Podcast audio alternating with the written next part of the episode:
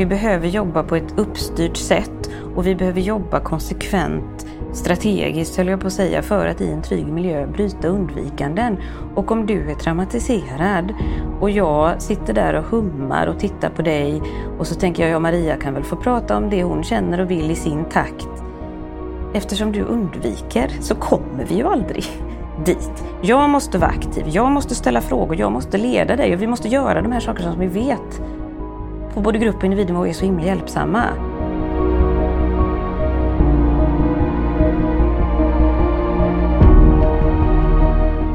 Välkommen till podden Mörkertalet. Jag heter Maria Larsson och är en social entreprenör med inriktning på brottsprevention och mänskliga rättigheter.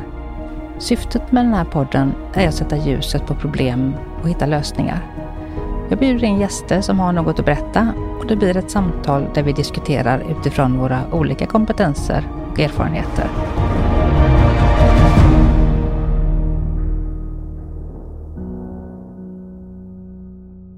Hej alla lyssnare! Idag är vi åter i Hanna Dimbodius studio, håller på säga, mottagning heter det. Välkommen! Tack så mycket!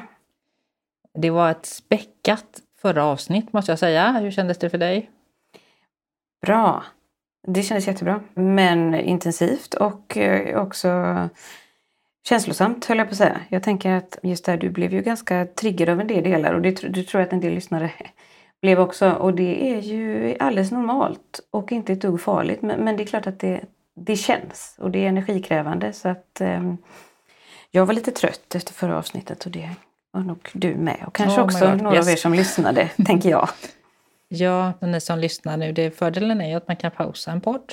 Eller hur? Och man kan lyssna lite mer. Men eh, ja, vi kom ju med ändå en del tips med andningstekniker och så här. Och också, tänker jag, en bekräftelse i att det, de här sakerna är triggande och jobbigt att lyssna på. Och om det är det så tyder det på att du har PTSD eller komplex PTSD. Och det tänker jag i sig är ju otroligt värdefullt få känna. För det är ju en bekräftelse av att de reaktioner man har faktiskt är på riktigt och inte någonting som man hittar på eller Ja, men eller, eller mm. hur? Och också just att jag menar om jag vet om att jag har en viss typ av problematik då kan jag ju också, jag tänker att det är första steget till läkning. Mm. Helt enkelt. Kunna söka hjälp och, så här, och det är ju det vi ska prata om idag. Då. För förra avsnittet handlade vi mer om att vad är PTSD och vad är komplex PTSD och vad, hur ser diagnosen ut och vilka är symptomen? Så att vi ringade in det ganska duktigt tyckte jag. Sen är det här ett jättestort ämne såklart, så att vi hinner ju inte avhandla allt i, i två poddavsnitt. Då. Men vi kommer att gå in mer på behandling, även på symptom idag. Vilken ände ska vi börja? Ja, men ska vi börja prata behandling kanske? Helt mm. enkelt. Mm. Lite så här, när söker man behandling, var och... Först ska jag bara säga det att jag har ju själv en obehandlad PTSD har ju fått diagnos av vården, men ingen hjälp. Jag har sökt hjälp ganska många gånger, men det kom liksom ingenting efter, om man säger så, att du har komplex eller du har PTSD. Och sen var det allting bara ett stort jasso. Och eh, jag har försökt att få hjälp på olika ställen så, men eh, det har inte funnits någonting. Och till slut så fick jag, fick jag få hjälp på stressmedicin, på liksom typ utbrändhet, för det är ju, man får ju symptom som är ganska likt utbrändhet då. Men då fick jag svar att nej men du har varit i det här för länge så vi kan inte hjälpa dig. Vilket man känner, okej, okay, ska jag bara stämpla ut från livet nu eller va? Ja, jag blir jätte, både arg och ledsen äh, när jag 45 hör år och inte, inte få hjälp helt enkelt. Så det här är inte lättillgängligt, ska jag säga för det första då. Och det här är ju, eh, eftersom ni som lyssnar förhoppningsvis både har PTSD eller känner någon som har PTSD eller, eller är professionell och jobbar med det här. Eller förhoppningsvis om det här når fram till politiker då. Se till att och steppa upp här och skärp till er och tillsätt medel och resurser för att hjälpa människor som är i det här. För att det, jag kan säga för mig själv och många jag möter att det är så ovärdigt att behöva gå i inte ens halva liv, för vi har inte fullvärdiga liv när man har den här diagnosen, utan man lever så stympad på så många plan. Och vi hade kunnat bidra till samhället på ett mycket bättre sätt om vi hade fått behandling och kunnat bli friska från det här. Och vi kostar pengar. Men vi hade istället kunnat bidra. Så att det, det här är inte en fråga om ska vi göra, utan det här, ni måste göra det. Vi har inte råd med det, att inte göra det. Så hur gör man då för att faktiskt söka vård? Ja, alltså, som jag sa, jag blir både jättearg och ledsen när du berättar om detta, om dina erfarenheter. Och, och då tänker jag också så här, jag önskar ju såklart att jag kunde säga, men gud vad konstigt, det där var jag aldrig hört talas om. men tyvärr så hör det alldeles för ofta. Och om, om någon av er kommer ihåg förra poddavsnittet så att, att i, i den rika delen av världen räknar man att ungefär 40 procent av personer med psykisk ohälsa får tillgång till rätt vård. Så det är klart, vi har lite att jobba på där kan man säga inom, inom vårdapparaten eller på samhällsnivå brett över. Kan man säga. Och sen så förstår jag också att, att du fick liksom till dig från stressmottagningen där att nej men nu har du gått med det här så länge så då är det liksom för sent eller så. Och det tänker jag det är en sån där myt som vi bara kan krossa här och nu. För det som är så fint med PTSD, som ju är en, en hemsk sjukdom, men det är att det går lika bra att behandla PTSD efter tre månader, efter tre år eller 30 år eller 50 år. Alltså det är liksom inget, det blir aldrig för sent, det blir aldrig gammalt. Och det ligger också lite, om ni kommer ihåg förra gången när vi pratade om traumaminnets natur, att det är som att, att hjärnan inte riktigt kan skilja på då och nu. Vilket gör ju att på ett sätt, för vad hjärnan anbelangar så hände det ju alltid igår. Eller i förrgår eller förra veckan. Eller sådär. Och en sak så tänker jag till att börja med, om man lever i en situation där man är våldsutsatt eller någon inte är snäll mot en så behöver man ju söka hjälp utifrån det. Men om man tänker PTSD så rent formellt för att man ska ställa diagnos PTSD så ska det ha gått en månad minst från att traumat eller traumahändelserna inträffade. Så, och det tänker jag att det hajar både du Maria och alla ni som lyssnar att det är ju ganska tajt det, är, det är ju ingen som söker hjälp. Man hinner ju typ Nej. inte ens få någon tid Nej. på vårdcentralen innan, Precis, innan dess. Så att säga. Men så är det, så, mm. så har det gått en månad. Och man har varit med om, om man har varit med om något hemskt och det har gått en månad och du känner igen dig i att du har problem med, med någon form av återupplevanden, med någon form av undvikanden och förhöjd spänningsnivå, alltså de grejerna. Då är det läge att söka hjälp och då är det så som det är funtat här i Sverige så är det primärvården man vänder sig till i första hand. Vilket betyder vårdcentral? Vårdcentral och det ser också lite olika ut på olika ställen i, i landet. Och det som också ser olika ut på olika delar av landet är också vad man kan få för hjälp. Mm. Men bara först då. Alla vet vad en vårdcentral är. Vad säger man när man kommer till vårdcentralen? Vad söker man hjälp för? Alltså när man ringer, hej hej, jag vill ha en läkartid. Mm. Vad säger man? Jättebra. Det första jag tänker är att man själv, eller så ber man en kompis om, eller någon ringa och kolla med vårdcentralen man är listad på. Till att börja med om de har en psykolog eller psykoterapeut och om de har kompetens att jobba med PTSD. Har de inte det så listar man, får man lista om sig så att säga. Och nu, nu jobbar jag ju ganska mycket i hela landet men jag, jag sitter ju här i Göteborg så det är framförallt Västra Götalandsregionen jag har koll på. Och på ganska stor andel av vårdcentralerna finns det någon som kan traumabehandla men jag tänker det är där, där måste man börja så att säga. Och bara det som du var inne på lite förra gången kan man få någon som hjälper en med det så tänker jag att det är ganska bra för det är ganska tufft. Mm. Att ta det samtalet och ringa och ställa mm. den frågan. Redan det kan vara ganska triggande. Bara för liksom ordningens skull här då. Ligger PTSD-behandling och så, för nu, det finns vuxenpsykiatrisk mottagning och så. Ligger det där eller ligger det jag, för någon som är novis då? Mm. Det ser också lite olika ut i mm. olika regioner. Men i många regioner och till exempel i Västra Götalandsregionen så tänker man sig då att ingången ska vara primärvård, alltså vårdcentral och där ska många personer med PTSD kunna få hjälp. Precis som andra typer av psykisk ohälsa. Sen vid allvarligare former av PTSD så är det då att man snarare eller om man har PTSD och kanske samtidigt är väldigt deprimerad eller har någon annan sjukdom, då är det psykiatrin mm. som gäller. Men det är fortfarande nästan alltid så att det går via primärvården, okay. att det är vägen in. Mm. Mm. Sen står det också på de flesta psykiatriska mottagningarna att du kan skicka en egen remiss, så det kan man göra. Då kan man skriva det här har jag problem med, jag vill komma och få hjälp. Men i praktiken så är min erfarenhet tyvärr att man då ofta får ett svar att man blir hänvisad till vårdcentral. Jag tänker det finns lite olika saker som kan ställa till det för individer med PTSD. Till exempel att det finns för att det blir felbemötande eller att man har för lite kompetens eller så inom vården så att säga. Men en sak som är det, det är också i själva PTSD-diagnosen att man inte gärna vill prata om det man har varit med om och man vill inte gärna prata om hur man mår. För det ingår i PTSD och det är en helt normal reaktion precis, på svåra livsomständigheter. Precis. Nummer två, undvikande beteende. Mm, precis. Och då tänker jag att man Dels så kan man fundera på vem kan jag ta med mig, vem kan följa med mig och hjälpa mig? Och då kommer man, om man gör rätt på vårdcentralen, så kommer de inte att gå med på att bara prata med dig tillsammans med din kompis eller din syster. För det är jätteviktigt, eller hur? För tänk om kompisen eller systern är den som slår dig. Mm. Men däremot att man kan ha med någon som stöd och som kan hjälpa. Och sen så brukar jag också tipsa individer om att skriv på en lapp om du tänker att det här blir jättejobbigt, att jag ska sitta där och berätta. För det de kommer fråga om det är ju så här, ja vad gör du här? Mm. Och det kommer de såklart att fråga om redan när du, har liksom, när du bokar tid. Att jag tror att jag kanske har PTSD och jag vill ha hjälp med att utreda detta. Okej, vad har du varit med om? frågar de då. Och då kanske du pallar, orkar, vill säga det. Det kan också vara så att du kan ha en liten lapp som du kan räcka fram och så kan mm. du så får personen läsa det mm. så att säga. Men grunden är det, hej jag tror att jag har PTSD eller jag kanske har PTSD. Och så kommer de att vilja veta någonting om vad du varit med om och sen kommer de att vilja veta någonting om hur du mår helt enkelt, hur du mår nu. För det blir liksom grunden för bedömningen.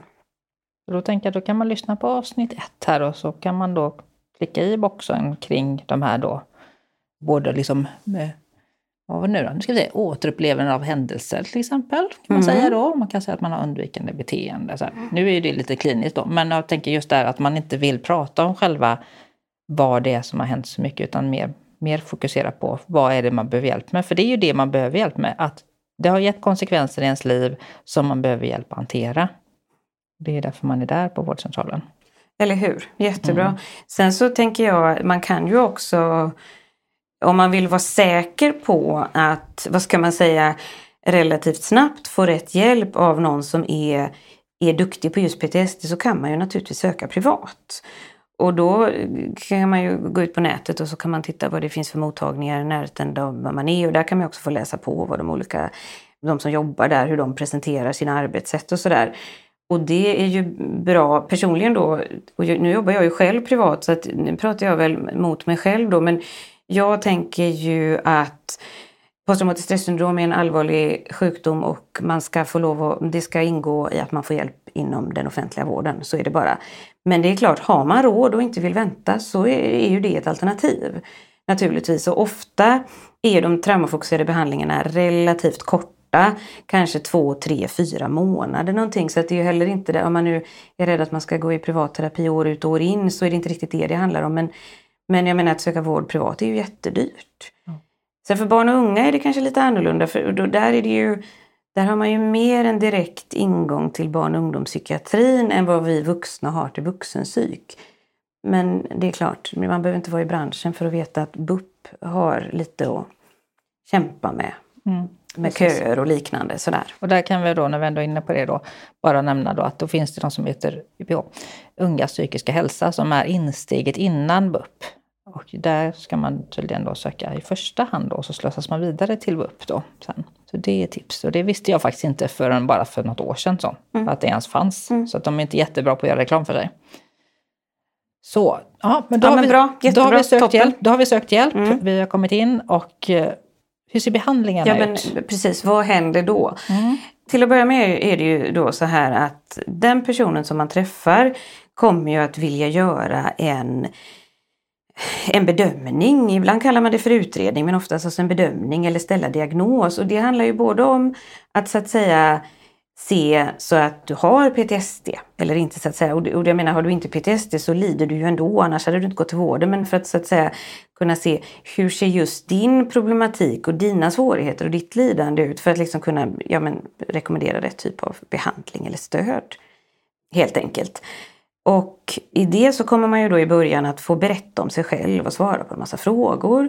Och ofta kanske också fylla i en del sådana självskattningsformulär Oftast frågor om nedstämdhet men också frågor om trauma. Och det kan man också tycka var, var jobbigt och läskigt så att säga.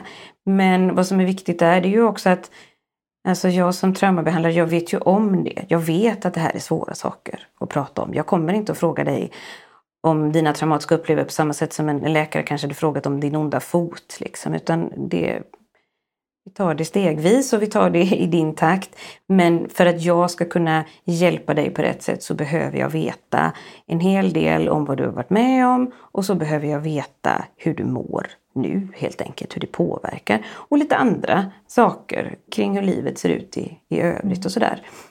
Och sen då om man kommer fram till att jo, men här finns det det här verkar vara en typ av traumatisering eller det här verkar vara en PTSD.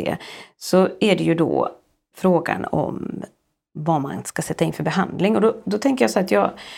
Får jag bara komma ja. med en liten grej här? Ja.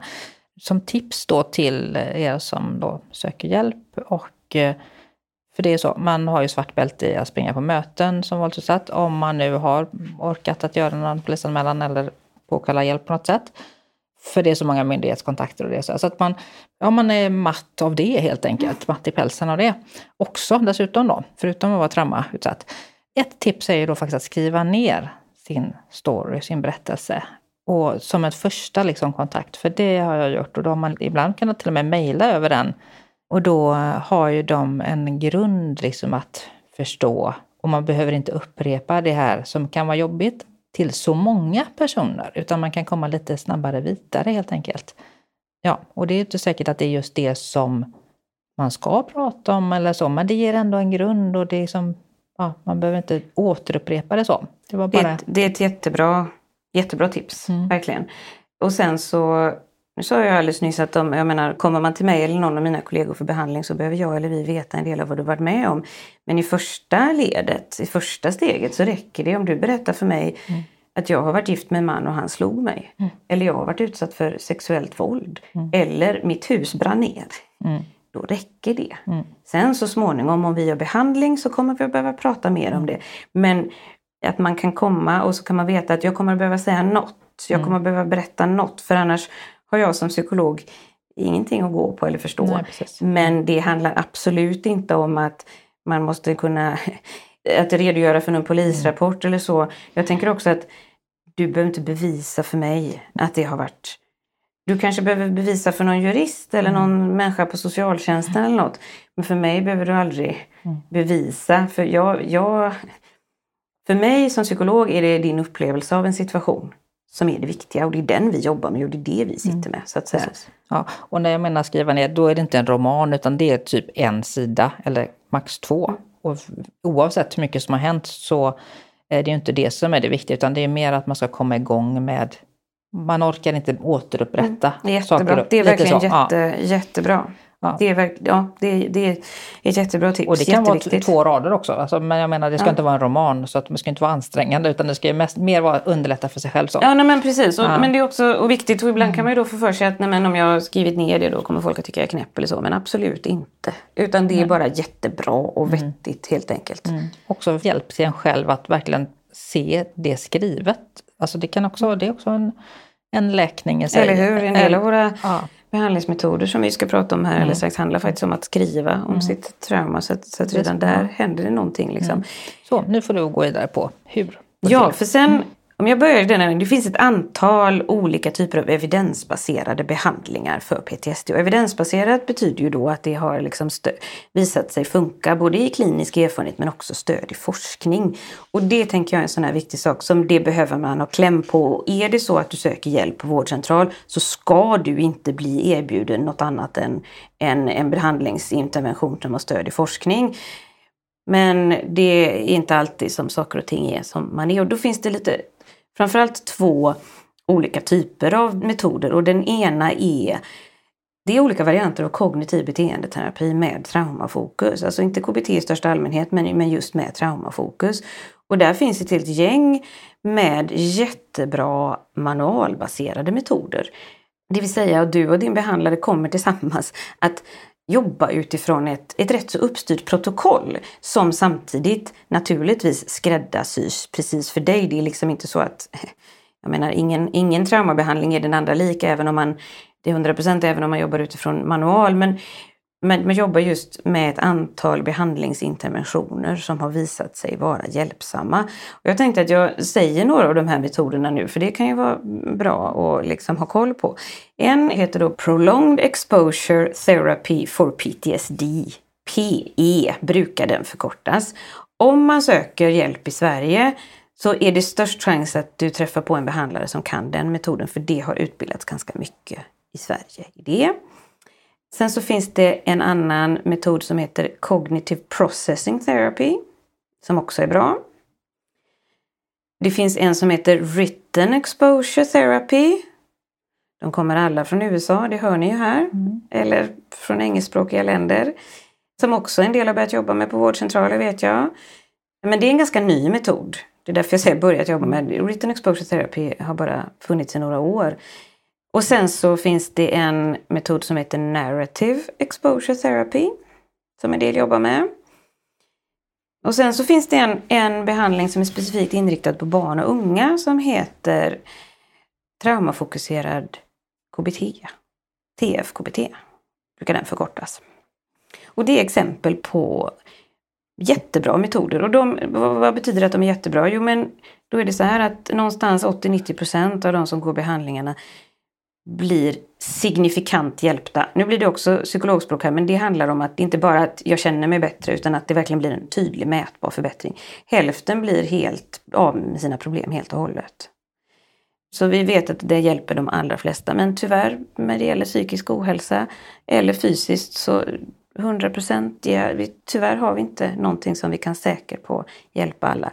Sen finns det ytterligare en, en behandlingsmetod som, som ganska många jobbar med inom vården i Sverige som heter EMDR. Det står för Eye Movement Desensitization and Reprocessing. Det är också en traumafokuserad behandlingsmetod som inte bygger på kognitiva beteendeprinciper utan som mer bygger på behandlares erfarenheter och där man jobbar också med någonting som heter ögonrörelser eller bilateral stimulering jättemycket fikonord här hör jag. Men att man samtidigt som man, man gör behandlingen så kan man stimulerar man båda hjärnhalvorna. Och det kan man göra genom att terapeuten för sina fingrar fram och tillbaka och så får du som patient helt enkelt följa dem med ögonen. Eller man kan göra någonting som heter tapping, det vill säga att man, man klappar ömsom höger och vänster knä fram och tillbaka till exempel. Sådär. Det är också en bra metod som i forskning har visat sig, alltså, de har ungefär samma resultat allihopa. Och vilken metod passar bäst för mig? Kan man fråga sig. Och det pågår jättemycket forskning för att kunna skräddarsy eller ge en ännu mer spjutspetsingång till de här behandlingarna.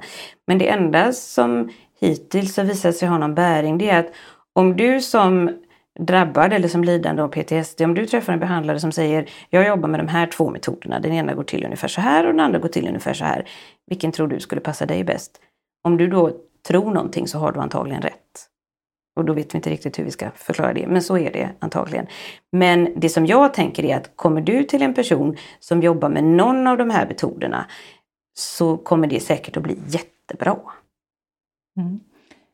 Har du tänkt att gå in och prata lite grann, har du lust att göra det med de här, mm. vad de, nu gick du in på EMDR, vad ja. det var lite grann. Mm. Bara kort liksom, för de, ja, Ja, visst, gärna. Mm. Det som vi, vi... Så man vet lite vad man kan förvänta ja, men sig helt enkelt. Precis. Mm. Och det är ju jätteviktigt att man, jag tänker inför en behandling, att man, man lite vet vad man kan vänta sig eller så att man kan känna sig någorlunda trygg med att våga ge sig in i det. Och grejen med alla våra KBT-behandlingar det är att vi försöker imitera det naturliga tillfrisknandet. Om ni kommer ihåg när vi pratade förra gången så är det ju så att de flesta människor som är med om trauma utvecklar inte PTSD för de, man återhämtar sig över tid med hjälp av nära och kära. Och de processerna, det är det som vi försöker imitera i de här KBT-metoderna. Och det betyder inte att vi försöker imitera dem så att säga till det yttre. Eh, liksom. Så det, det, blir inte nära och kära? Utan, nej, nej, det blir inte nära och kära och det blir inte att sitta och äta glass med mormor eller vad det nu är. Men däremot det som händer i hjärnan, det är det vi försöker imitera helt enkelt, eller att få till. Och då är det dels att vi, vad vi behöver få till är en, en aktivering av traumaminnet eller traumaminnena i en trygg miljö. Och trygg miljö, det är ju då ja, i första hand behandlingsrummet tillsammans med mig. Trygg i den månen att där händer det inget jobbigt just då och en aktivering av traumaminnet. gör vi i de allra flesta fall genom att närma sig på olika sätt, prata eller tänka på traumat helt enkelt.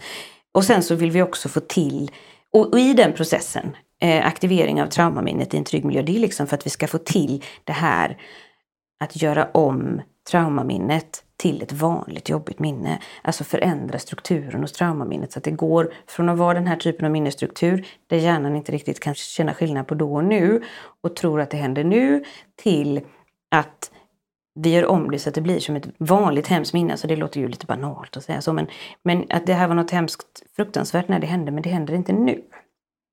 Och den andra delen som vi vill få till det är en modifiering av några, mm, hur ska man säga, klassiska tankar som vi ofta har när vi har PTSD. Det vill säga att världen är en farlig plats. Vad som helst kan när som helst hända. Jag är inte säker någonstans. Andra människor är bättre på att hantera svårigheter än vad jag är. Mina symptom, att jag mår så här i sig är något tecken på att jag är kass eller så. Det betyder inte att vi tänker att man ska få en världsbild som är orealistisk, att man ska tro att det går bra jämt eller att jag är bäst på allt eller så. Det är inte det utan det är mer av att återgå till en mer realistisk bild av världen som är att så jobbiga saker kan hända. De kan hända mig och de kan hända andra människor. Men de allra flesta dagarna är faktiskt ganska okej. Okay. Och i det här arbetet så finns det några gemensamma moment som de här olika behandlingarna innehåller. Men jag tänker att jag helt enkelt går igenom dem ungefär hur de går till en, i tur och ordning helt enkelt. Så om du ska gå behandling i prolonged exposure eller PE så kommer du att få gå i en behandling där du kan träffa din terapeut. Man kan träffas en gång i veckan eller man kan träffas två gånger i veckan. Det finns också vissa intensivbehandlingsprogram som man ger på vissa ställen att man faktiskt går i behandling varje dag. Inget av de formaten är bättre eller sämre än något annat. Det handlar mer om vad som finns där du bor och vad du själv, vad som funkar med din vardag och ditt liv helt enkelt. Och så kommer ni att följa ett program då där varje session har ett visst antal saker. Varje gång ni ses så finns det ett visst antal saker ni ska hinna med eller göra. Men allting anpassas efter dig och dina behov som individ. Och det första man kommer att få göra när man går i PE, det är att man får lära sig om hur behandlingen går till helt enkelt. Och sen så får man lära sig en enkel andningsövning som man kan ha för att hjälpa till att reglera sina känslor. Och sen så kommer man att gå igenom vanliga reaktioner på trauma. Alltså diskutera vad är vanliga symptom och hur hänger de ihop? Och både utifrån att man ska säga rent allmänt perspektiv men väldigt mycket såklart med fokus på just dig och dina besvär helt enkelt och hur det hänger ihop med traumatiseringen. Sådär. Och sen innehåller PE två stycken bärande moment. Det ena är att du kommer att få jobba med någonting som heter exponering in vivo. Alltså tillsammans då med terapeuten så kommer ni att identifiera saker som du undviker efter traumat. Antingen för att du har blivit rädd för dem fastän de egentligen inte är farliga eller att det triggar dig. Och så kommer du få stegvis jobba med att närma dig dem.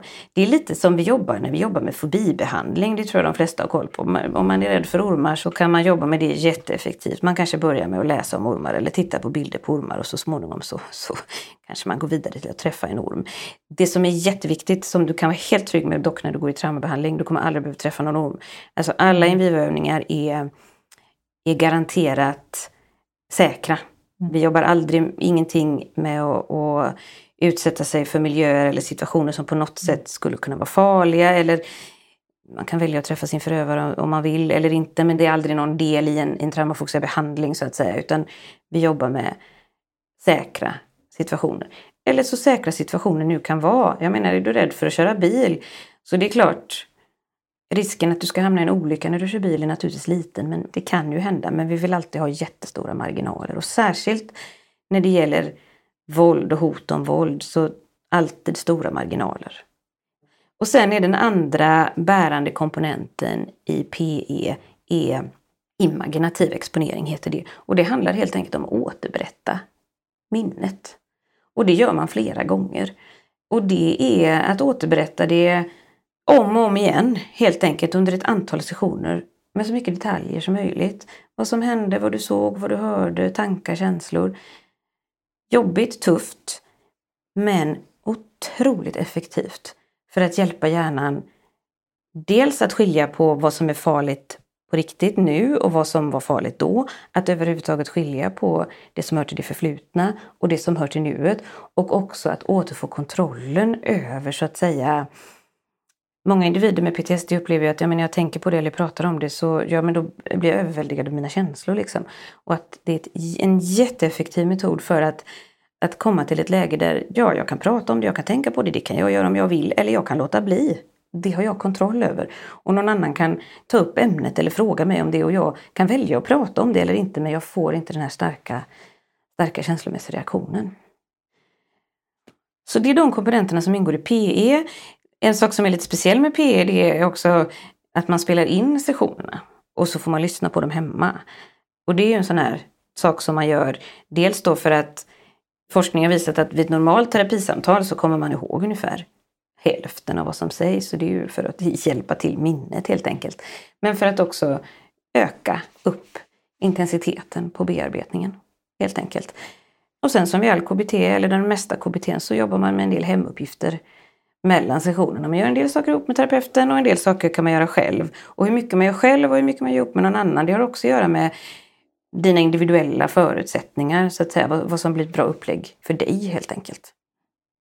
Mm. Vad värdefullt det var att höra det, höra liksom hur det går till liksom, och vad som syftet och målet med, ja, med den här behandlingen. För det kan jag ju sakna, för jag har ju ändå fått ganska mycket behandling. Alltså, varit hos kuratorer och terapeuter och psykologer. Och eh, genom olika instanser så. Men det har inte varit PTSD-behandling. Mm. Det har inte varit någon riktad behandling. Framförallt så har det varit helt mål... Det har varit väldigt luddigt liksom. Mm. Vad är det som händer där? Så det här kände jag liksom är ju verkligen man har ett mål med att må bättre, bli frisk från det här att det, och det går till på det här sättet. Ja men eller hur, och man har ett väldigt tydligt mål och det, det är ett väldigt tydligt mål och det är att minska symptomen på PTSD. Mm. Rätt upp och ner helt enkelt. Det är också någonting så att inför en behandling, och det gäller inte bara P, det gäller de här andra, så får man fylla i sina självskattningsformulär för att skatta nivån på sina symptom. Det är ju ingen absolut vetenskap.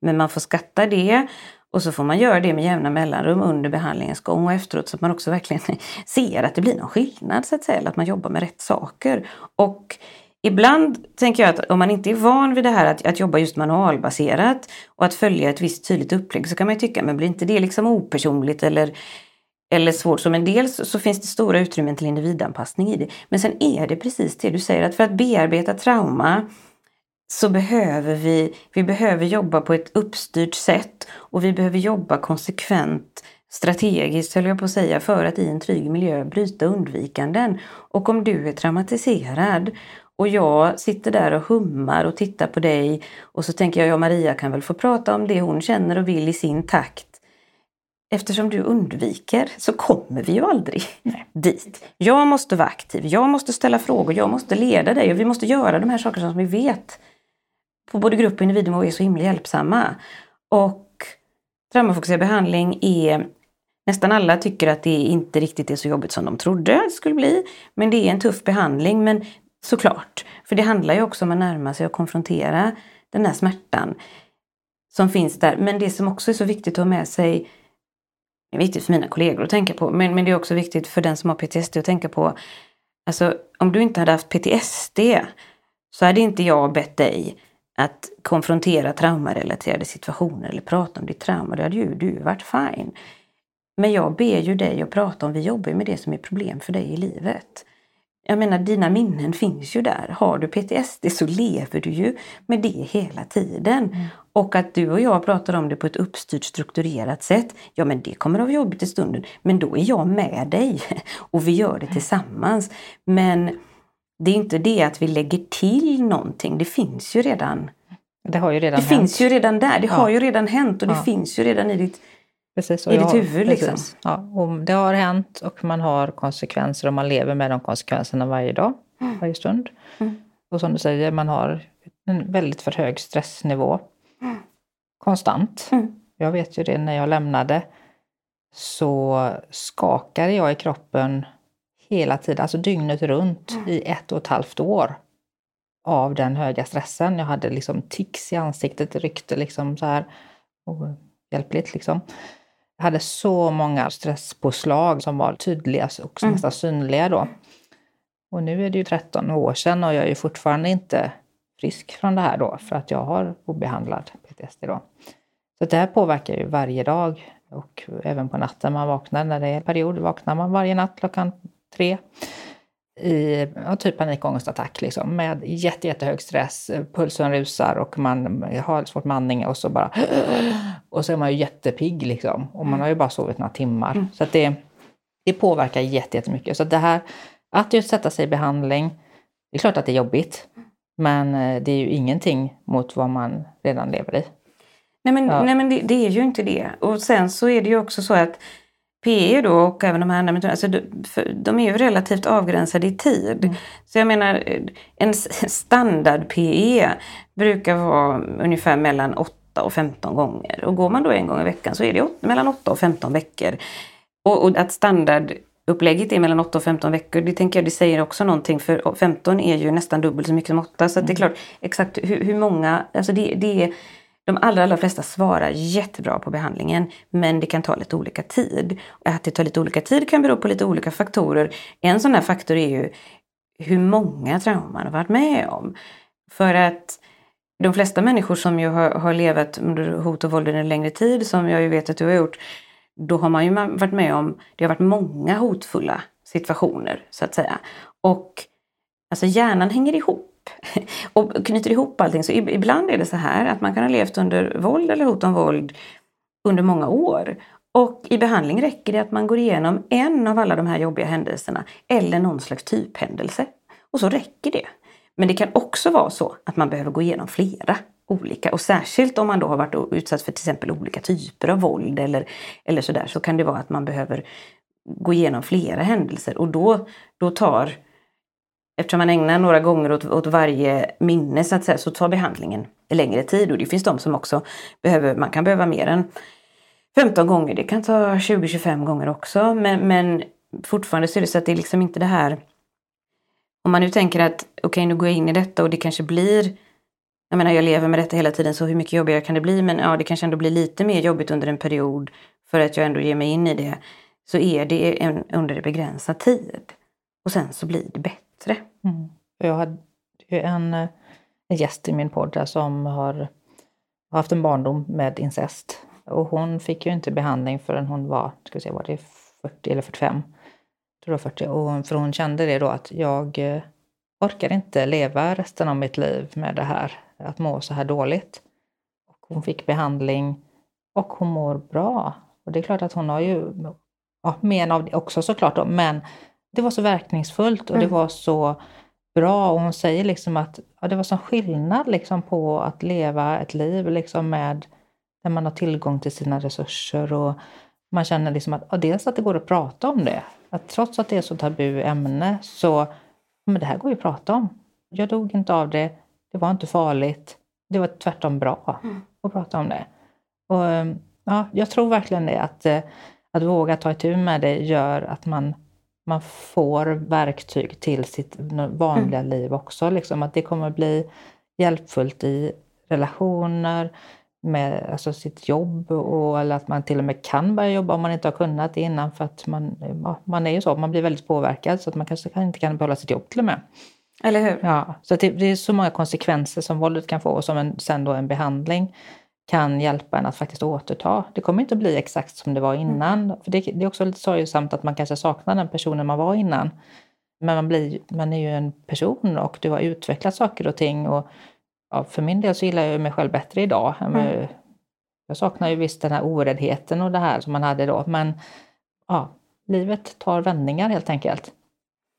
Ja men och, alltså nu är ju de här olika behandlingsmetoderna, de har ju ungefär samma resultat allihopa så det är ingen, ingen som är bättre än den andra. Men på det sättet så, men, men just PE, jag menar, om, om man går i PE så följer terapeuten en manual och så finns det en arbetsbok som du som patient kan använda dig av eller så kommer din terapeut att ge dig lösblad till det då. Mm.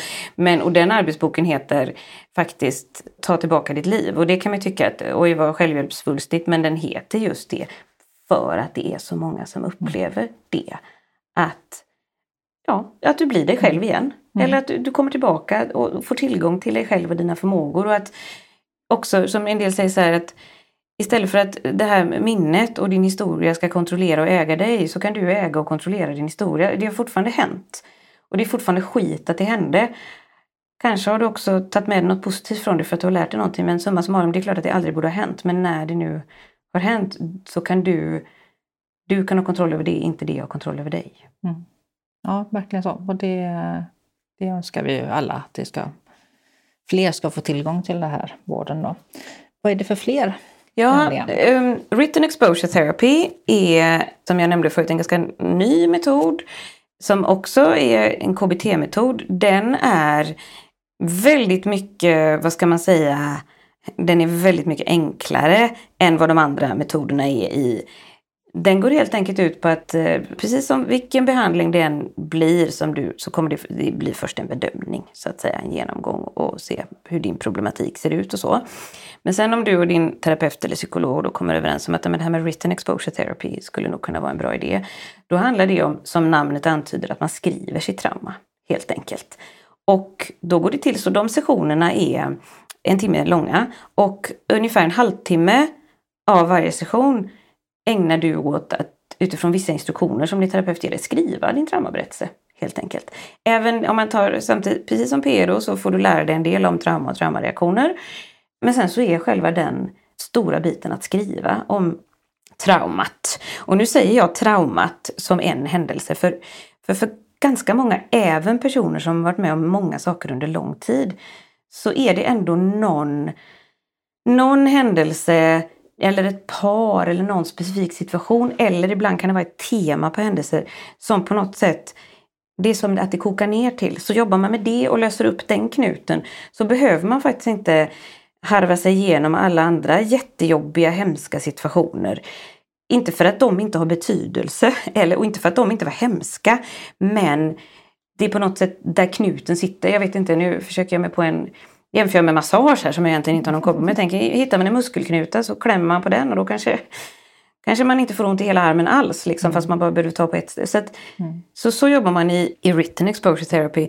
Där får man också, alltså på många sätt tänker jag att written exposure therapy är en enklare metod än PE för den brukar man ofta inte göra mer än fem, sju, åtta gånger och kan få jättebra effekt på det. Man jobbar heller inte så mycket med att bryta undvikanden mellan sessioner utan man mer pratar lite om att, att bryta undvikanden och sådär. Sen har written, alltså den är så pass ny metod så att den har inte riktigt lika bra stöd i forskning. Eller så här, de studier som finns ger samma resultat som till exempel PE som jag berättade om förut. Men det har inte gjorts lika många studier. Jag jobbar både med de här metoderna och där jag tänker att PE och written exposure therapy är en jättebra exempel på att när jag träffar en patient så då berättar jag om de här två metoderna och så pratar vi tillsammans ihop oss om vad vi tror skulle passa bäst. Liksom så. Men precis som du var inne på förut ju med att man också kan att, att det kan vara läkande att skriva ner saker i sig. Så är ju det någonting som man jobbar med här och dels att skriva ner för att få berättelsen med, med detaljer, tankar och känslor, få kläm på det, sortera.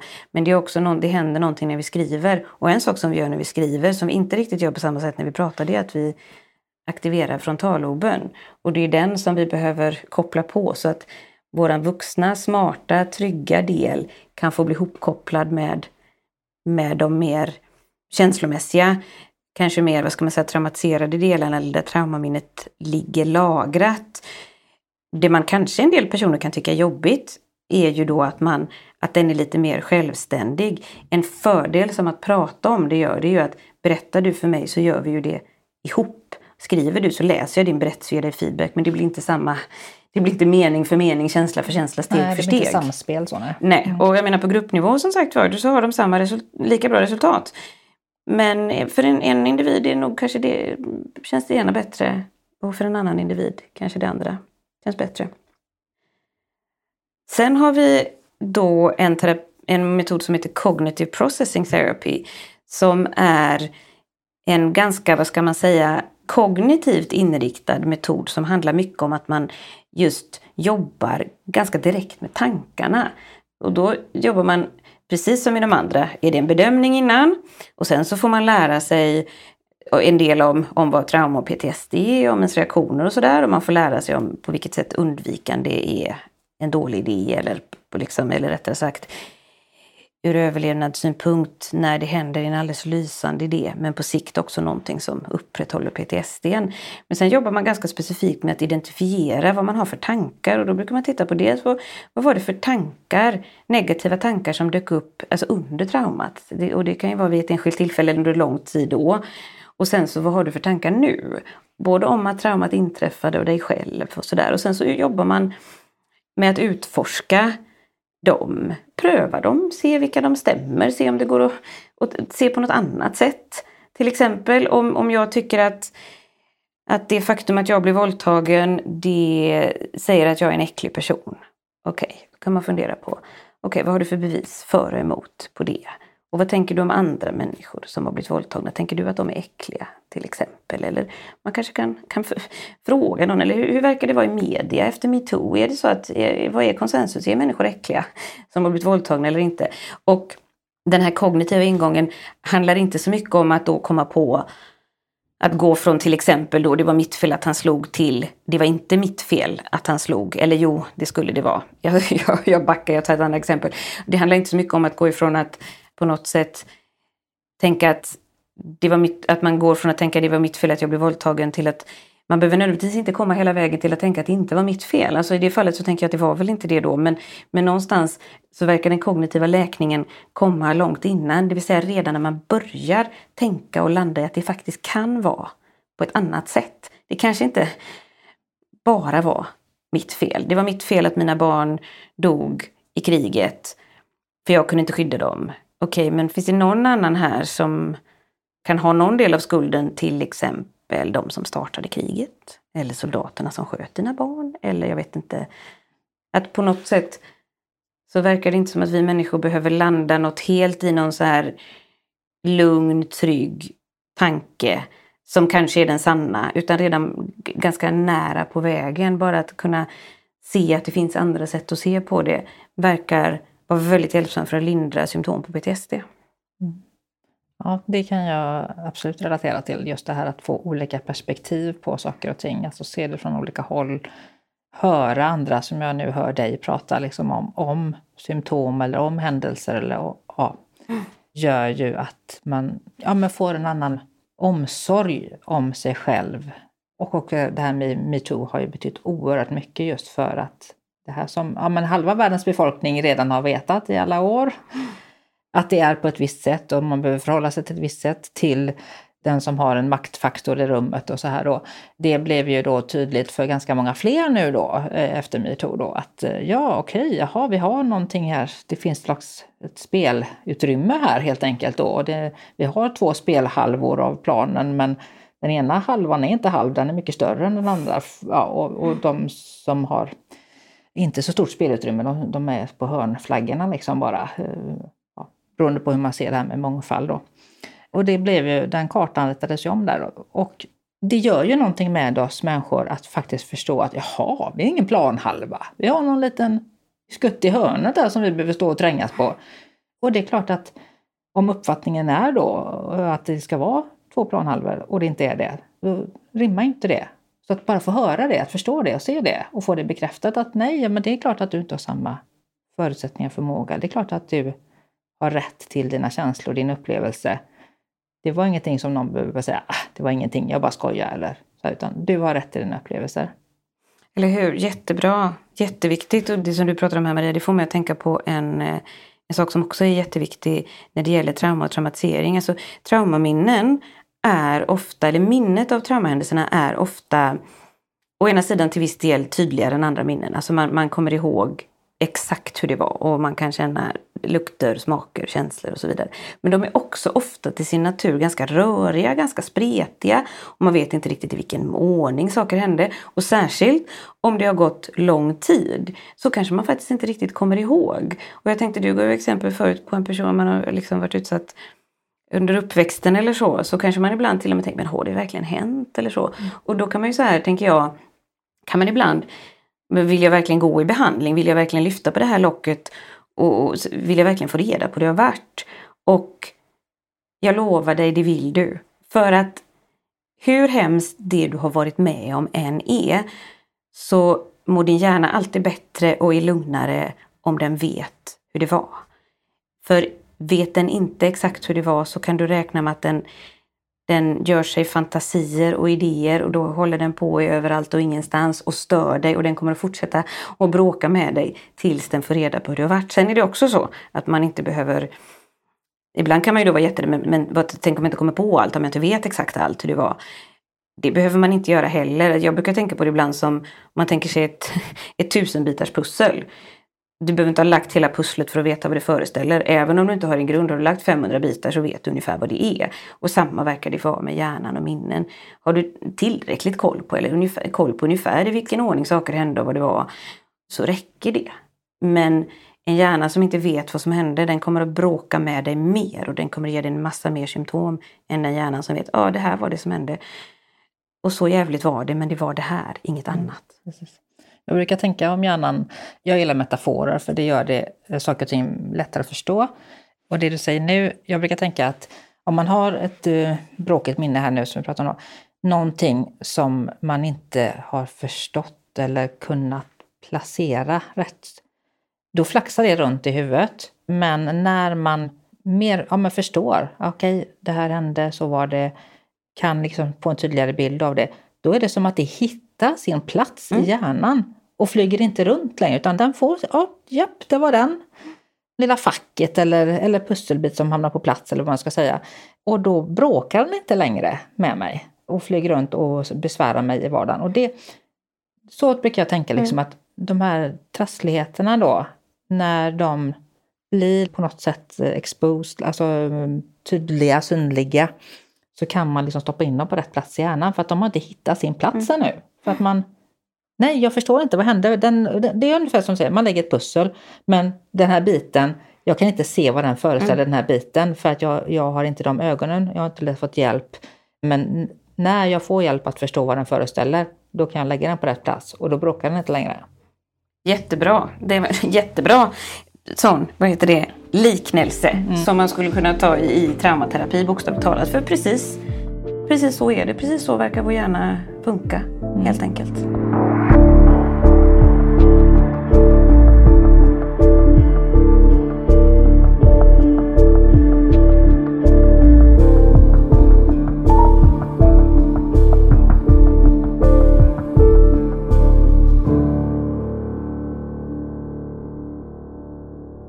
Och så har vi nästa behandling. Vad var det? Då är det en metod som heter Narrative Exposure Therapy. Och den bygger också på KBT-principer. Men den skiljer sig lite från de andra i hur den kom till. För att de andra metoderna är liksom utvecklade ganska, ja men, utifrån klassiska KBT-principer på universitet i USA och med forskare sådär som utifrån vad man har för teoretiska idéer bygger fram på en metod. Medan Narrative Exposure Therapy utvecklades specifikt med att man ville kunna hjälpa människor i flyktingläger. Helt enkelt, alltså människor som lever under pågående i en väldigt stressfull situation med kanske väldigt lite resurser. Jag berättade till exempel att i PE så spelar man in sessionerna och man får hemuppgifter och lappar och hit och dit. Och att man, man ska kunna göra utan en massa rekvisita och dessutom kanske då människor som inte kan läsa och skriva eller man kanske inte pratar samma språk. Alltså även de andra metoder som jag pratat om, de går jättebra att jobba med tolk. Men det är klart att det är en försvårande omständighet. Medan narrative exposure therapy bygger väldigt liksom så här hands-on grundläggande. Vad kan vi göra i enkla lågresursmiljöer? Och det är ett, eh, några tyskar som utvecklade den metoden och den, den har testat på en massa håll i världen, till exempel i Kongo, Kamerun och Syrien och och Sudan och sådär. Och den bygger på att man som bedömningsdel där så gör man faktiskt en traumalinje. Väldigt konkret. Man tar ett snöre. För det utgår man från att man åtminstone kan hitta ett snöre där i flyktinglägret. Och så lägger man ut det på marken och snöret börjar där patienten föds och sen så avslutar man det med ett litet nystan där för att också väldigt symboliskt visa att livet är inte slut här, eller hur? Men vi jobbar med livet so far. Och sen så använder man sig av olika symboler för att markera olika viktiga händelser i livet. Och då brukar man ofta använda sten för att indikera trauma. Och då, om man tänker då också flyktingläger eller barnsoldater eller så, det är ofta människor som varit med om mycket grejer. Liksom. Många olika saker. Så man, man går igenom vad ska man säga, år från år, månad för månad eller år för år eller man ska säga. Och så för alla trauman så benämner man dem kort och så lägger man en sten på den här linjen. Och sen så för varje stor livsomvälvande positiv sak som finns så lägger man en blomma. Det kan ju till exempel vara att man har fått barn eller träffade sin partner eller fick sin första get eller vad det nu kan vara. Så får, så får man en blomma där liksom. Och sen så har man också någon form av symbol för att indikera förlust, alltså när någon, någon viktig person har dött eller man har förlorat någonting. Och i, i krist den kontext som är ganska stor så funkar det ofta bra med ett ljus men i andra delar av världen betyder ljus något annat så då funkar inte det. Och sen vill man dessutom ha en symbol och då kanske man kan använda en pinne till exempel. För att indikera om det är så att du själv har gjort någon illa och inte såklart om du har varit lite dum mot någon men, men om vi nu tänker människor som befinner sig i flyktingläger som har varit krig och kanske till och med barnsoldater så det är klart de har varit väldigt utsatta men de har också utsatt andra människor. Då gör man liksom bedömningen där och sen går behandlingen ut på att man arbetar sig igenom händelse för händelse. Och i alla de här andra traumafokuserade behandlingsmetoderna som jag pratade om, då fokar man ju på att bearbeta traumorna. Men i, i just narrative exposure therapy så lägger man faktiskt lite krut även på blommorna, även på det positiva. Och ingången är då mycket mer att att man ska säga, det är fortfarande exponering, det vill säga att man bearbetar, man pratar om det, sätter ord på tankar, känslor, vad som har hänt och sådär. Men sen är det också att knyta ihop livet på något sätt. Vilket är också är en bieffekt faktiskt. I de andra traumabehandlingsformerna så handlar det också om att knyta ihop berättelsen om mig själv från, från början och till nu. Med allt som har hänt, bra som dåligt. Men i narrative exposure therapy så jobbar man konkret med det medan man i, i de andra metoderna med, det blir mer att det, det händer lite automatiskt under resans gång så att säga. Sen i narrative exposure therapy så finns det också en sån här del som är att, att man du berättar om din händelse. Men terapeuten skriver ner berättelsen så att när du slutar behandlingen så får, kan ni gå igenom och du får en liten bok med, med dina upplevelser. Och sen när tyskarna, de här Schauer Elbert som heter utvecklarna, då fanns det också ett sånt här att dokumentera krigsförbrytelser. Så det fanns ett sånt, så då kunde man, om alla var överens om det, skicka in det till brottmålsdomstolen i Haag eller så. Men, men det gör man ju ofta kanske inte då man jobbar i ett svenskt sammanhang. Men om man tänker på vad som finns att tillgå i, i vården så är det en del inom svensk, både, vad ska man säga, både i primärvård och, och psykiatrin som jobbar med det här.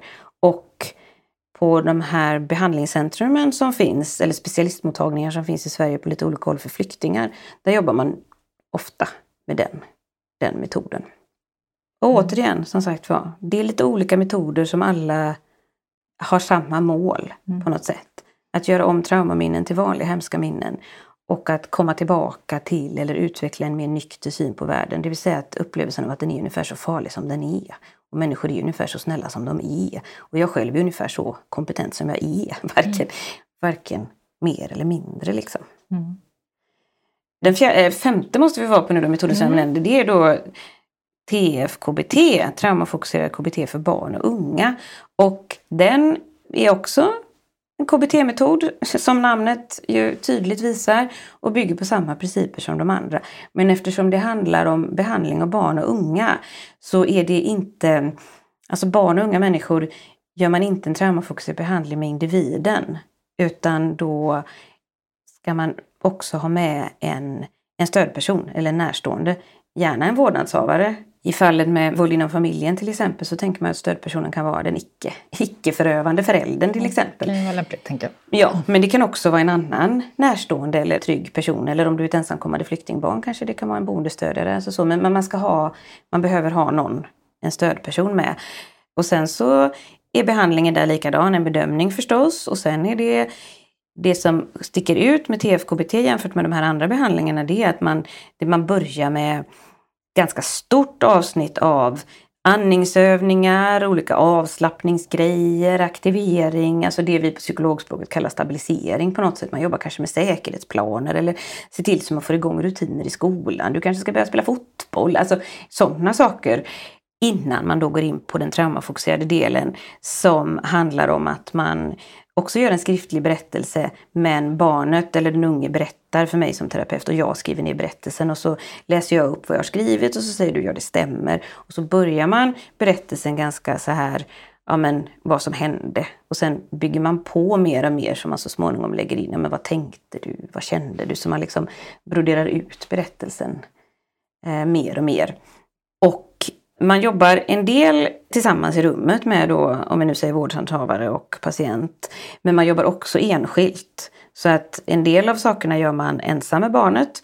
Och allt, det är ändå alltid en, en behandling med fokus på barnet. Så om man gör saker själv med barnet så gör man samma saker med vårdnadshavaren eller föräldern. Så att om du nu går en sån behandling med, med, med, ditt barn så kommer du också ha gått igenom alla moment som ditt barn har gått igenom. En del saker kommer ni ha gjort ihop, men mycket kommer ni ha gjort beroende på barnets ålder var och en för sig, men ni vet att ni har gjort samma saker.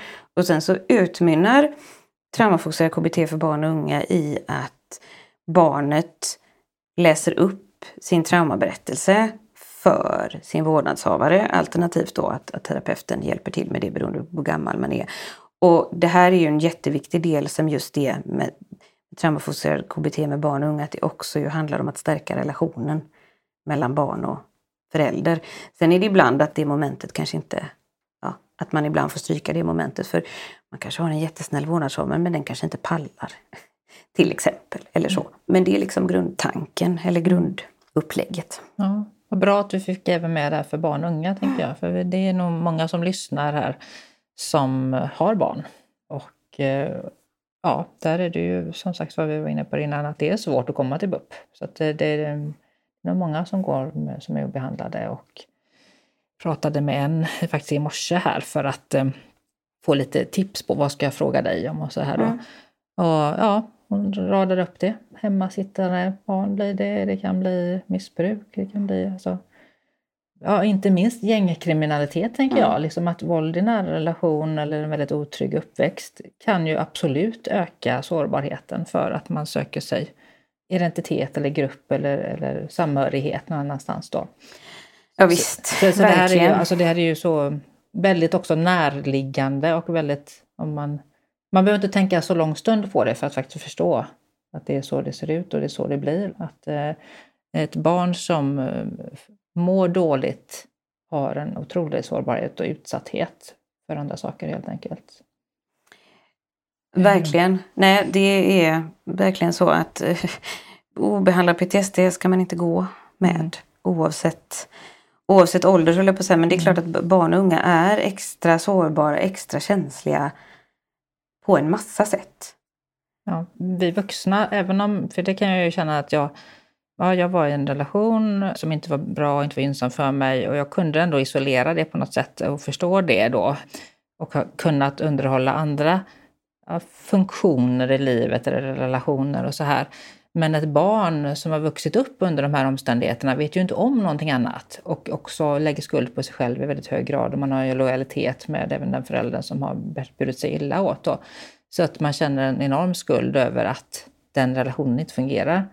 Så det finns mycket problematik där som ett barn och en ung person inte ska behöva ta itu ja, men, med. Ja men eller hur, verkligen. Och, och sen är det också det här Alltså barn är ju också under utveckling. Så jag menar, hjärnan är ju färdig någonstans i 25-årsåldern. Så en sak som gör barn och unga extra sårbara är ju också det att när de blir traumatiserade eller det de är med om påverkar också hjärnans utveckling helt enkelt. Bokstavligt talat, det blir en annan, en annan hjärna än om man inte hade varit med om, om jobbiga saker. Sen även där är ju människans förmåga till återhämtning och läkning, mm. den är ju kalasbra liksom. Men, men mm men det är viktigt och där tänker jag också att det blir viktigt för när det gäller just våld inom familjen, men det gäller ju också till exempel människor som har flytt, så är det ju ofta så att barn är traumatiserade och föräldrar är traumatiserade. Och där tänker jag, där behöver man ju också stöd på olika nivåer. Jag menar det är jättefint att jag sitter här och säger att jo, men TFKBT för barn och unga om du bevittnat våld i hemmet. Eller du har fått stryk av pappa. Ja men då går du i terapi med din mamma, det blir toppen. Men med mamma, mamma kanske måste ha hjälp först. För antagligen är mamma också traumatiserad i den situationen. Och då kan man inte vara det stöd för barnet som man skulle önska att man skulle kunna vara. Så därför behöver ju har man en, en grupp eller en familj där alla har varit med om trauman så behöver vi ju alla få hjälp och stöd tillsammans men också var och en för sig beroende på ja, att man är olika individer och utvecklingsnivå och ålder och allt möjligt. Och vad som har hänt.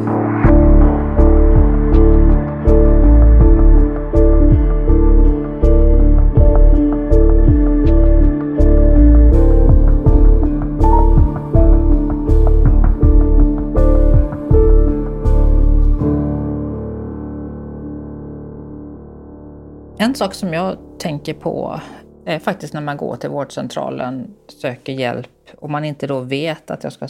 Man vet inte att man har PTSD helt enkelt. Mm. Jag och väldigt många med mig har ju liksom fått olika slags diagnoser genom åren som de sen har tagit tillbaka. Ja, depression är ju en typisk sån då, som man kommer, för man mår ju inte bra. Mm. Så kan man ju, det kan vi konstatera. När man har varit utsatt för saker och ting, man mår inte bra. Man söker hjälp, för det yttrar sig på olika sätt. Och så första svängen så fick jag då diagnos depression och så fick jag ja, medicin för det helt enkelt då. Och testade det och mådde ju inte bra av den och så fick jag byta till en annan och eh, ja, det gav inte något bra resultat. Och sen fick jag en ny läkare och den personen bemödade sig att göra en skattning, för det hade inte den första gjort. Så fick jag en skattning och den visade att jag var inte deprimerad, utan jag hade väldigt stor ångest, vilket inte är konstigt med den situation man var då. Utan är helt naturligt. Men då hjälper ju inte heller depressiv, alltså psykofarmaka mot depression hjälper inte mot ångest. Så det är helt olika saker. Och sen, ja, då tog det tag lite i det, jag bara drar lite kort här. Och sen då så har jag ju sökt igen några år senare och då får jag det liksom att, nej men, vad var det nu? Ja, men, jo, men det kan ha varit, kan ha varit bipolär liksom. Ja, men, och det har jag hört av många, att man får ganska allvarliga diagnoser kastade i ansiktet sådär vid ett första mm besök. Ja, ni vet, man går till en allmänläkare och eh, har typ en kvart på sig och så berättar man, drar sin story jättekort och så får man i ansiktet då, ja men du kanske är bipolär. Och man går hem och man bara, jaha, liksom, och så börjar man googla på det och så bara, jaha. Och det där känner jag liksom, eh, och jag är inte ensam om det, för jag hör väldigt många som får höra och får diagnoser och, och utredningar av olika slag som är helt missvisande och inte alls har med saken att göra. Och blir en, en sekundär viktimisering anser jag då, att man liksom förminskar och man, ja, man gör det hela värre helt enkelt genom att faktiskt inte se vad det är. Och det här tänker jag beror på kunskap och resurser. För att man inte har de resurserna på den vårdcentralen och då kan man inte ens föreslå att du ska gå till någon eh, psykolog som har trauma och PTSD-kompetens. Liksom. För att man inte har det på vårdcentralen så har man ju inte det som alternativ heller. Då snickrar man lite bäst man kan. Så det är min upplevelse. Hur, ser du på det med att hur vanligt tror du det är med andra diagnoser eller att man går... Alltså jag vet ju också att det är många som har, har ehm, ja, man får ADHD-diagnos och det egentligen är PTSD, men det tror jag vi får ta ett eget avsnitt till. Eh, ja, men, återigen, jag blir ju mm. arg, arg och ledsen. Ja. För det är så ledsamt att det är så här, för jag känner naturligtvis också igen det du berättar mm. om. Och, och en, en sak som, det som man ska komma ihåg då är att alltså har du varit med om trauma så kan det leda till PTSD. Det är den vanliga traumadiagnosen. Men det finns samband mellan traumatiska upplevelser och alla möjliga typer av psykisk ohälsa. Så det kan ju också leda till annat naturligtvis. Och sen är det också, har vi också någonting som vi på psykologspråk kallar för samsjuklighet. Och i ärlighetens namn så är samsjukligheten mellan olika diagnoser den är väldigt hög. Den är så hög så att det finns ett helt gäng inom psykologkåren som ifrågasätter om de diagnoser vi har överhuvudtaget är helt rätt sätt att se på verkligheten på något sätt. Och det skulle vi också kunna ha två, mm. fem, åtta mm. poddavsnitt om kanske. Men just vad det gäller depression så är det, alltså av alla som har PTSD just nu i denna stund så uppfyller 70% också diagnoskriterierna för depressiv episod. Det vill säga de är också deprimerade. Och en del av, av den, så att säga, för det tror jag är den allra vanligaste om man tänker feldiagnostisering eller att man missar, det är att man, man tänker att det här är en depression. Och det kan ju då vara, dels kan det ju vara helt fel, som det låter som att det var i ditt fall, när du väl fyllde i en screening och det är ändå en ganska enkel sån här mm. diagnostisk ja. intervention så visar det att du inte var det. Så, att, så att det är ju liksom jätteilla. Men det hade också kunnat vara, om du hade sagt till mig, och det var jag ju, men det var också PTSD, så hade inte jag blivit förvånad för det är väldigt vanligt att man är både och. För, för man blir ju ledsen och nedstämd och ja, livet är ju skit liksom om man har PTSD kan man säga. Om man, och sen om man har varit med om trauma såklart. Och Ja, jag tänker att det råder väl någon slags konsensus inom kåren att PTSD till att börja med är fortfarande underdiagnostiserat. Och att folk, människor får andra diagnoser och också att människor, som du beskriver, man söker hjälp för lite olika tillfällen. Och, och så kan man få förslag på alla möjliga saker. Och bipolär är väl en av dem, tänker jag. Som, och precis som du säger också ADHD. Och även också typiskt då tänker jag att, att jag menar bipolär är ju en det är en allvarlig psykisk sjukdom som det inte finns någon bot för, men det finns jättebra mediciner. Men det är ingenting som man, tänker jag, ska svänga sig med lättvindigt. Nej, på något sätt. Nej. Så, och jag, jag, håller verkligen med dig just att, om, om det här som du säger med att, att man får på något sätt gå till vården och så får man, oj vad är det för fel på dig? Och du verkar, ja konstigt och vad jobbigt, jag vet inte vad det är med dig. Sådär, det är ju i sig jätte negativt för självkänslan och måendet såklart. Ja, och jag tänker, det var inte så att jag försökte dölja att jag hade den bakgrunden jag hade, utan det var ju, framgick ju väldigt tydligt vad jag var varit med om och så här. Och då tänker man, ska det första kortet man drar upp vara mm. ja, en så pass allvarlig diagnos då som då det hade ju varit mer närliggande tycker man ju då att det är traumarelaterat. Ja, för i ditt fall skulle jag säga, om, om vi skulle leka med tanken att ditt undvikande var så, så kraftigt så att du inte berättade någonting om vad du hade varit med om, men berättade om att du hade svårt att sova, att du var orolig, hade ångest, så, men inte överhuvudtaget då tänker jag att ja, nej men då är det inte så lätt. Och det tänker jag, då är det mitt jobb, om jag nu hade varit läkare eller psykolog, jag måste fråga, precis som jag alltid måste fråga dig om du tar några mediciner och hur mycket alkohol du dricker och har någonstans att bo eller på sätt så måste jag också fråga om du har varit med om trauma. Sen kan ju du fortsätta då, kan ju du säga, du kan ju så att säga kanske inte vill berätta det, du kanske inte är där, du kanske inte vågar. Men det är klart, det är en sån här grundsak som man behöver, alltså för att kunna få rätt hjälp så man behöver berätta att man har varit med om något jobbigt. Liksom så. Men om vi å andra sidan har en person som, om du då berättar, jag har varit med om det här och någon säger du är nog bipolär, då blir inte jag arg och ledsen, då blir jag faktiskt bara arg.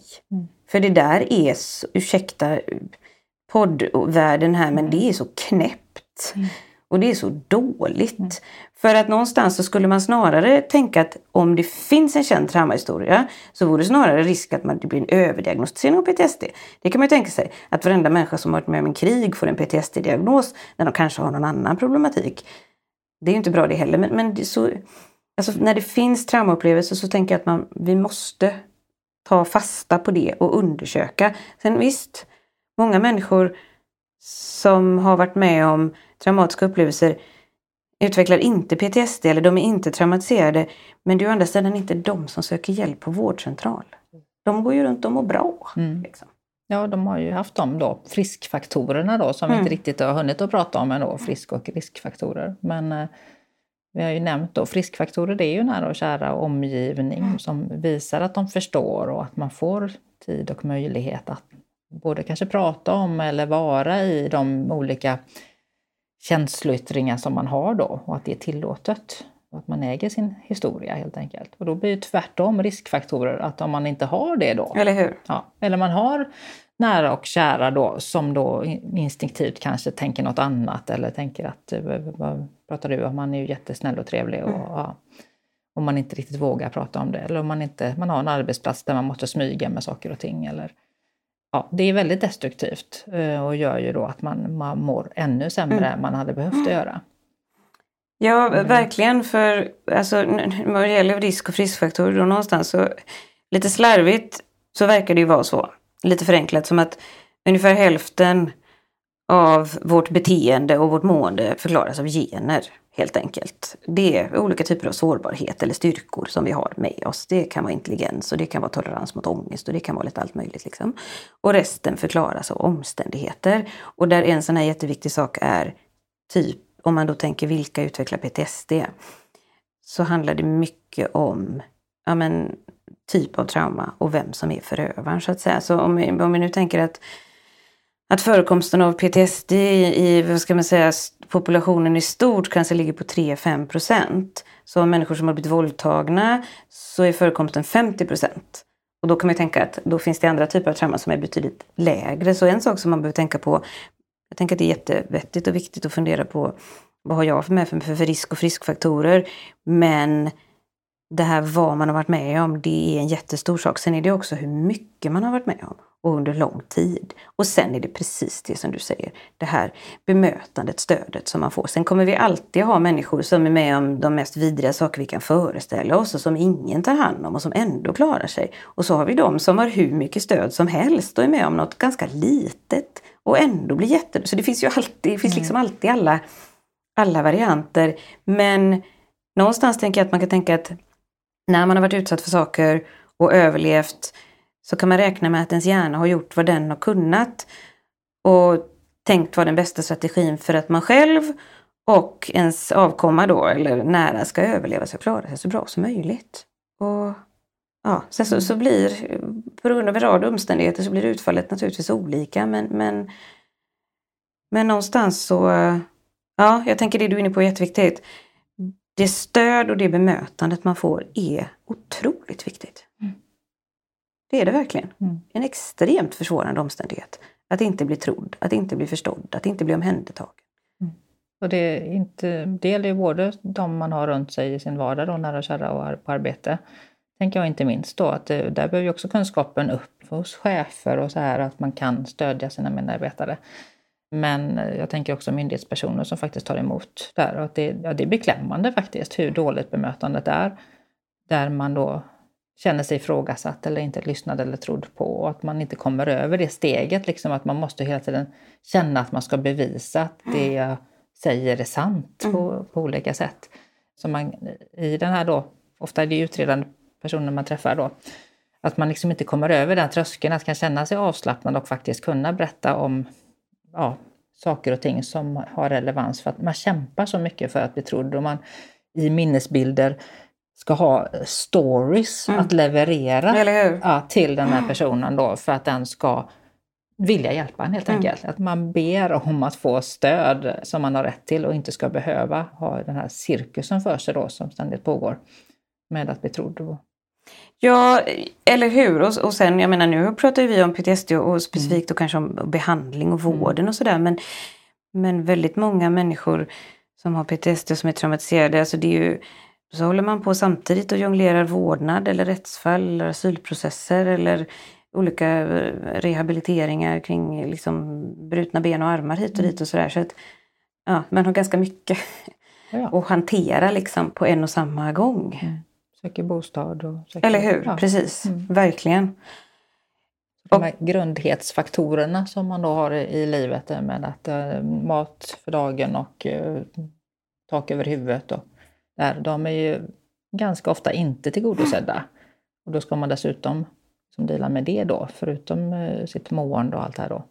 Ja men eller hur, och där kan det ju vara ibland tänker jag utifrån att det, det kan också vara bra att prata om ju bara lite kort att utifrån ett PTSD-sammanhang, alltså traumafokuserad behandling Ibland kan man få höra att ja, men det måste vara stabilt eller ordning och reda kring det för du ska klara av en traumafokuserad behandling. Det är inte sant. Det går alldeles utmärkt och jobba med traumafokuserad behandling även om det inte är lugn och ro. Men det är klart, visst är det så att i vissa skeden eller vissa aspekter i livet, så det finns ju en... Är du mitt i liksom en rättsprocess så kanske du inte orkar just då. Då kanske det inte är läge just då. Inte för att det per definition är att allt måste vara klart innan, utan mer att Alltså vad hinner du med och vad, och vad, orkar du? Som, om det är jättestökigt med barnen i skolan, då kanske du behöver vänta några månader och få stöttning i det. Sen finns det åt andra hållet och det är att ibland kanske det är en del av att det är så stökigt det är, är att man har PTSD eller rättare sagt att minskade PTSD-symptom skulle göra det lättare att hantera de andra sakerna. Så att man aldrig per definition på något sätt eller per automatik skjuta på PTSD-behandling om man inte måste. Nej. Ja, och det har jag hört väldigt mycket, att många som säger att Nej, men vi, du får komma när det har lugnat sig så ska vi påbörja någon slags behandling då. Och det kan jag säga då, för att vara leva i eftervåld, det lugnar sig aldrig. Nej. Nej utan det är eh, eh, ständigt pågående processer. Jag menar, det är ju både brott, kanske brottmålsrättegång då, och sen har vi vårdnad då, och den kan ju vara en gång om året. Och den håller på ett år. Alltså att starta en vårdnadsprocess, en stämning i tingsrätten, den, den tar i princip ett år att, eh, från stämning till huvudförhandling. Eh, och sen brukar det vara liksom hyggligt lugnt ett år och sen är det ny, ny stämning. Och så där. så att det, man hinner typ inte andas emellan. Mm. Så att det är ett slag i ansiktet då. att få säga att du ska ha det lite lugnare för att det, det händer ju inte. Utan det är ju, man behöver ju hjälp alltså. Det är ja. det som är grejen. Det är ett fullständigt vidrigt liv mm. att uh, vara när man lämnar en destruktiv relation och, och har barn och försöker upprätthålla någon slags liv där i det. Och man får väldigt lite hjälp. Så att, att inte ens få hjälp med PTSD då på grund av att det är stökigt mm. runt en. Ja, det, Nej, men det, det, det, är som säger, det, blir, det, blir inte, det är inte bra heller. Utan... Nej, och det blir också ett något sånt där moment 22. Någon, mm. alltså så här, du kan få hjälp när du mår bra. Mm. Ja, fast då behöver jag ingen hjälp längre. Alltså, det, det är väldigt... Mm. Ja, det är ju... Så jag hoppas att det är många som lyssnar här nu som faktiskt arbetar inom det här skråt som eh, förstår hur problematiskt det är. Eh, och när man väl orkar lyfta luren och faktiskt ringa vårdcentralen och söka hjälp, då skulle man gjort det för länge sedan. Om man har tänkt på det väldigt länge och man har försökt uppbåda kraft att ringa det telefonsamtalet. Så att, eh... Eller hur? Och man kanske ovanpå alltihop också känner sig dum för att man inte har ringt tidigare. Och då blir på något sätt mm. det bemötandet, den som svarar i telefonen där, det är... Det är avgörande. Ja, och det, och det är också det är ju den personens jobb. Mm. Att, att ta emot saker på ett bra sätt. Sen tänkte jag, ska vi säga någonting lite om själv, alltså vad du kan göra för att ta Precis, själv tror, kanske? tror vi avslutar med det nu. Mm. För det är återigen ett långt avsnitt. Det blir långt. Precis. Men ja. Eh, hur kan jag hjälpa mig själv? Ja, alltså dels så tänker jag så här, har du haft symptom, egentligen skulle jag tänka, har, har du haft symptom på PTSD i tre månader och det inte blir bättre, sök hjälp. I alla fall åtminstone om det är jättestökigt omkring dig och du fortfarande håller på med grejer. Men har det gått ett år då? Se till att sök. Då behöver du professionell hjälp. PTSD går inte över av sig själv efter ett år mellan tummen och pekfingret. Det går alldeles utmärkt att komma över det med hjälp av behandling men det går inte över av sig själv. Men under den, under den tiden, antingen innan eller, eller som du väntar på att få behandling så finns det ju lite sådana här grejer som kan göra. Det är egentligen också samma saker som både ingår i det naturliga tillfrisknandet i behandling. Alltså läs på om PTSD, lär dig saker, lyssna på poddar, läs böcker. Det finns självhjälpsböcker och eh, många av dem är jättebra. Inte på det sättet att de, vad ska man säga, ersätter en traumafokuserad behandling, men de kan vara jättebra. Det finns en, en app som heter PTSD coach. Den är gratis och den är amerikansk från början men den är översatt till svenska sedan några år tillbaka. Som innehåller just både information, vad är PTSD, hur ser det ut och, och just lite så här tips och tricks kring olika övningar man kan göra och vart man kan söka hjälp och vad flashbacks är och hur man kan hantera dem. Så den, är, den kan vara jättehjälpsam. Återigen, det är ingen, det är ingen behandlingsapp, den ersätter inte behandling men den kan verkligen lindra. Och någonting som, eller vad man också kan göra med sig själv tänker jag, det är just det här att att om du orkar, vill och vågar identifiera saker som du undviker eller som triggar dig och som du är helt säker på är egentligen är säkra. Och utmana dig själv genom att stegvis träna på dem helt enkelt. Och ta hjälp av nära och kära. Alltså, försök att våga börja prata om det. Våga prata med någon och har du ingen i din absoluta närhet som du litar på eller du kanske har försökt berätta och inte fått så bra bemötande. Kanske finns det någon på jobbet eller kanske finns det någon kollega eller kanske finns det någon för att så att säga att börja prata om det och, och en sån här jätteviktig sak.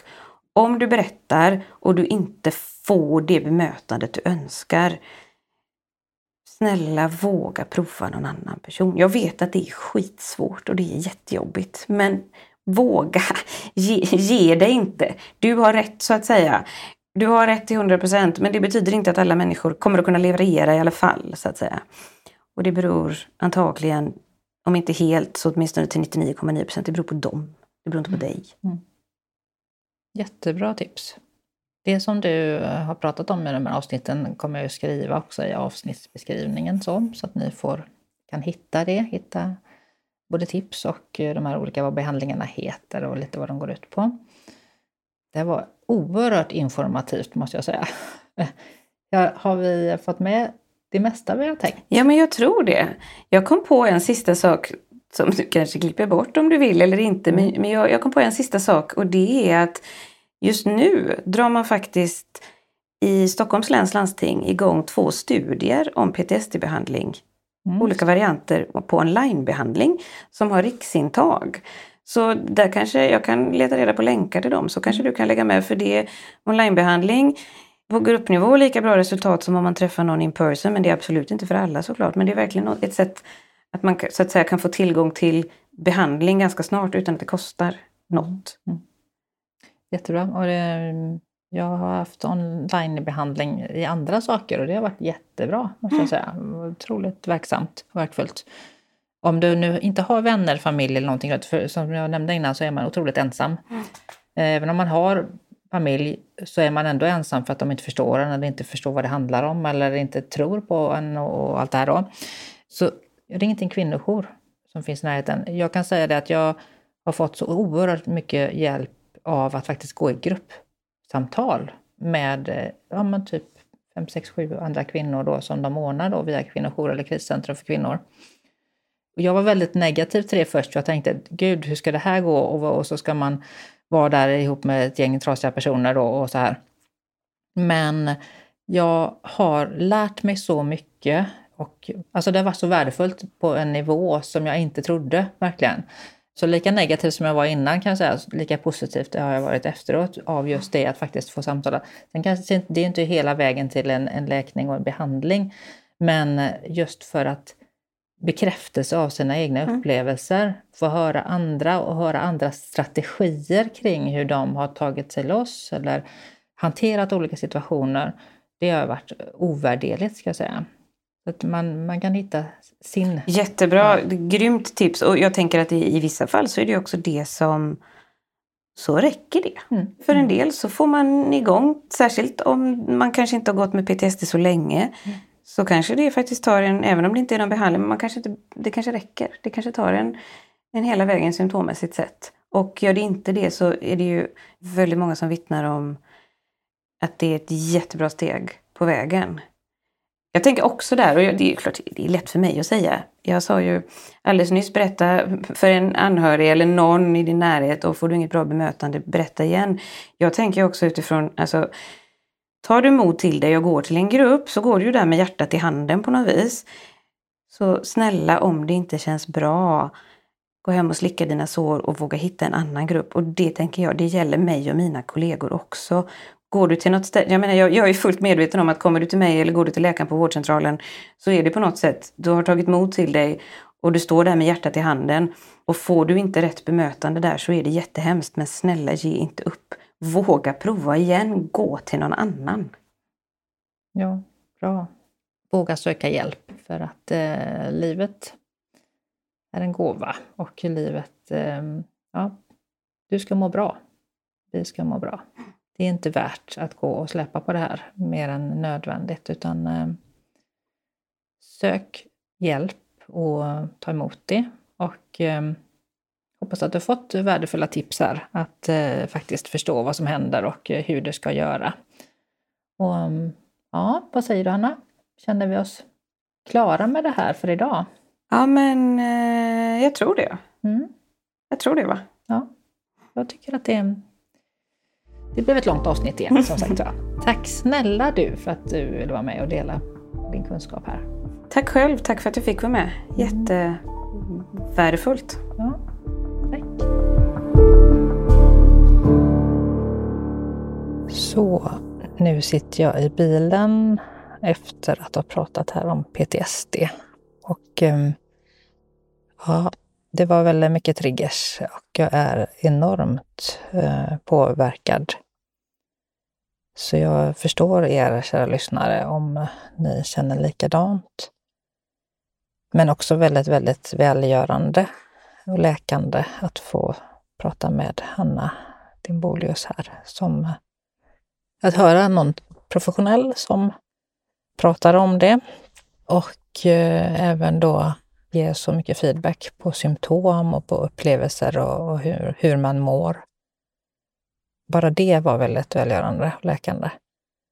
Men ehm, som ni förstår efter det här avsnittet så är det här någonting som är allvarligt. Det påverkar ens liv, ens hälsa. Så PTSD eller komplex PTSD, det är ingenting att skoja bort utan Känner du igen dig i de här symptomen så sök hjälp. Och nu har du fått lite vägledning i hur du ska faktiskt göra också för att få den hjälpen. Och läs mer i avsnittsbeskrivningen så ser ni hur ni kan gå tillväga och vad det heter, de här behandlingarna. Varmt lycka till med det och eh, var rädd om dig så kommer jag tillbaka om en vecka igen med en ny gäst.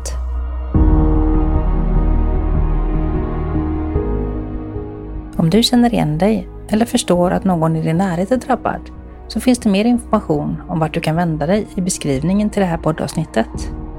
Om du tycker att vi tar upp viktiga frågor och vill att vi ska fortsätta att prata om mekanismerna bakom våld och övergrepp och vill vara med och bidra, då gör du det enklast genom att swisha till 1234 63 73 10.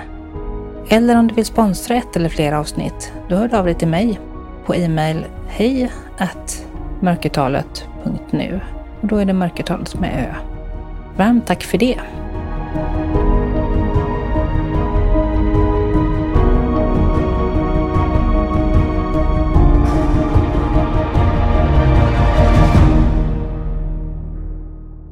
Podden Mörkertalet produceras av mig, Maria Larsson och Stray Dog Studios.